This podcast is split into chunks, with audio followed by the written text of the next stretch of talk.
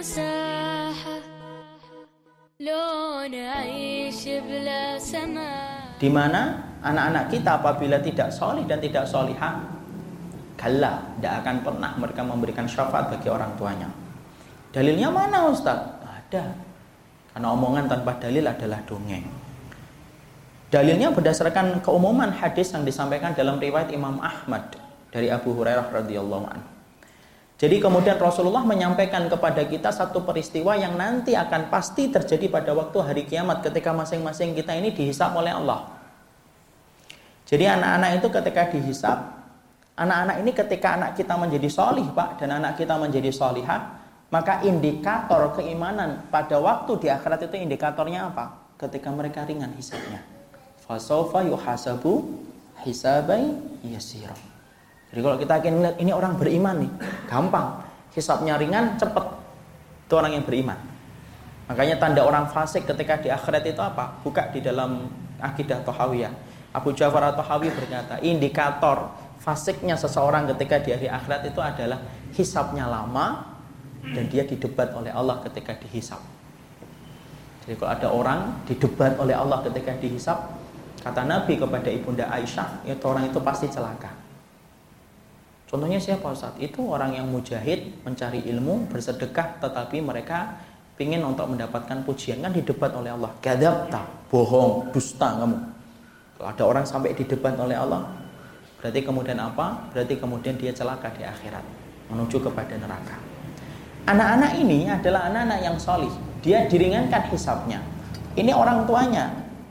Mereka kemudian setelah diringankan hisapnya menuju kepada sirat, menuju kepada surganya Allah ini menuju kepada surganya Allah. Dan ketika mereka sudah melewati sirat, tidak ada ingatan pertama kali yang mereka ingat kecuali siapa? Ibu dan bapaknya. Dan kita harus paham dulu, kita harus kaitkan ini dengan hadis yang lainnya. Salah satu mawatin la yadkuru ahadun ahadan. Ada tiga tempat ketika seseorang itu tidak ingat siapa pun ketika di akhirat. Satu, ketika mizan ditegakkan, timbangan ditegakkan, orang itu tidak mikir siapa pun kecuali dirinya. Dua, ketika buku amal kita nanti akan dibagikan dan kita ini bingung ngambil dari kanan atau ngambil dari kiri. Orang saat itu tidak mikir siapa pun kecuali dirinya sendiri. Dan yang ketiga, ketika ngelewatin sirat, itu tidak ada yang diingat siapa pun kecuali dirinya sendiri. Anak ini setelah ngelewatin sirat, ketika hilang ingatannya ngelewatin sirat, tepat ketika dia selamat melewatin sirat, maka yang pertama kali diingat oleh dia itu siapa? Kalau mereka itu solih, yang diingat oleh dia itu bapak dan ibunya. Ya, Masya Allah, bapak dan ibunya. Dia kemudian, Allah perintahkan mereka berhenti nih di depan pintu surga. Allah kemudian ngomong, kalamnya Allah berfirman, Udkhulul jannata, heh, mau masuk, ah, masuklah ke surga lah. Anak-anak ini kemudian melihat ke dalam surga, mereka tidak menjumpai bapak dan ibunya di dalam surga. Kemudian mereka berkata kepada Allah, lan nadkhulal jannata hatta ya'tiya abauna wa ummahatuna. Kami belum bisa masuk surga ya Allah. Karena kami belum bertemu dan berjumpa dengan orang tua kami. Kemudian Allah berfirman kembali yang kedua kalinya.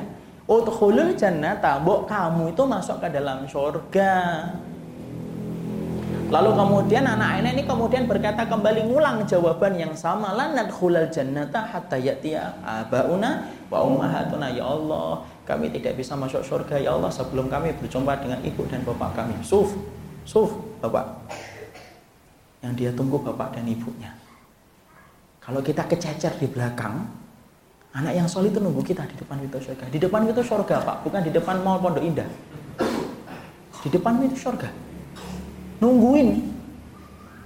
Nungguin ya kemudian setelah dua kali mereka tidak bergegas untuk masuk ke dalam surga kemudian Allah berkata mali arahu muhbantin loh kenapa sih orang tuamu orang tuamu itu di belakang nih masih dihisap nih. Dosa-dosanya dan kemaksiatannya ini masih di belakang.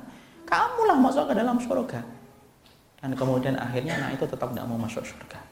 Allah kasih izin untuk dia supaya memberikan syafaat.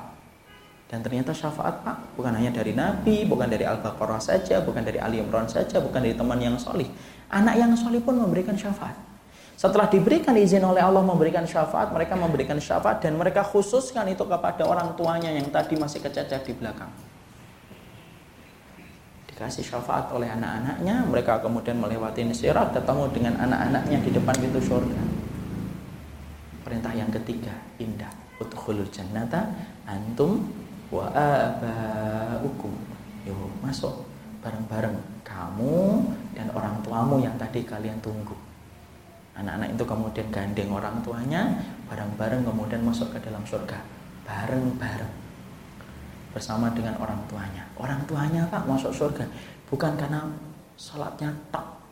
Bukan karena puasanya tok. Dan bukan karena masalah sedekahnya saja tapi ternyata orang tuanya itu memasuki surga karena syafaat anak-anaknya yang solid sampai mereka itu mendapatkan kedudukan surga. Karena syafaat dari putra dan putri mereka yang solid dan solihah. So, Pak. Ya, Pak. Makanya Masya Allah, Pak. Makanya kalau saya itu kemudian dilihatin gitu, ada teman saya, anaknya ganteng, ya biasa. Anaknya gagah, harus biasa banget. Cantik, ya biasa juga. Kemudian pinter, biasa. Tapi kalau saya melihat ada seseorang teman saya, anaknya soli, anaknya solihan, iri saya, giptoh.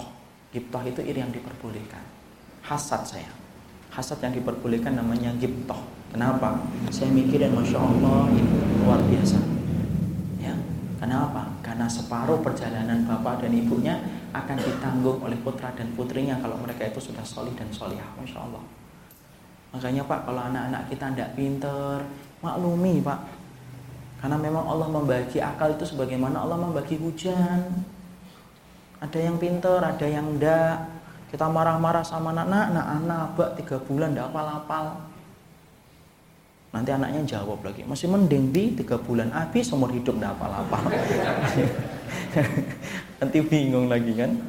Ada anak kita matematika dapat dapat empat, itu pun gurunya karena tidak enak sama bapak karena kenal orang tuanya dikasih empat harusnya dua. Ya. Sudahlah biarin kalau mereka sudah berusaha. Anak kita tidak kaya pak, maaf ya, yang ngatur rezeki anak kita itu bukan kita, bapaknya bukan kita, engkongnya bukan. Yang ngatur rezeki anak kita itu Allah. Tapi anak kita kalau tidak solih, rugi bener. Kenapa? kita berarti tidak punya tabungan yang bisa nungguin kita di depan pintu surga kalau kita menjadikan anak kita menjadi anak akhir.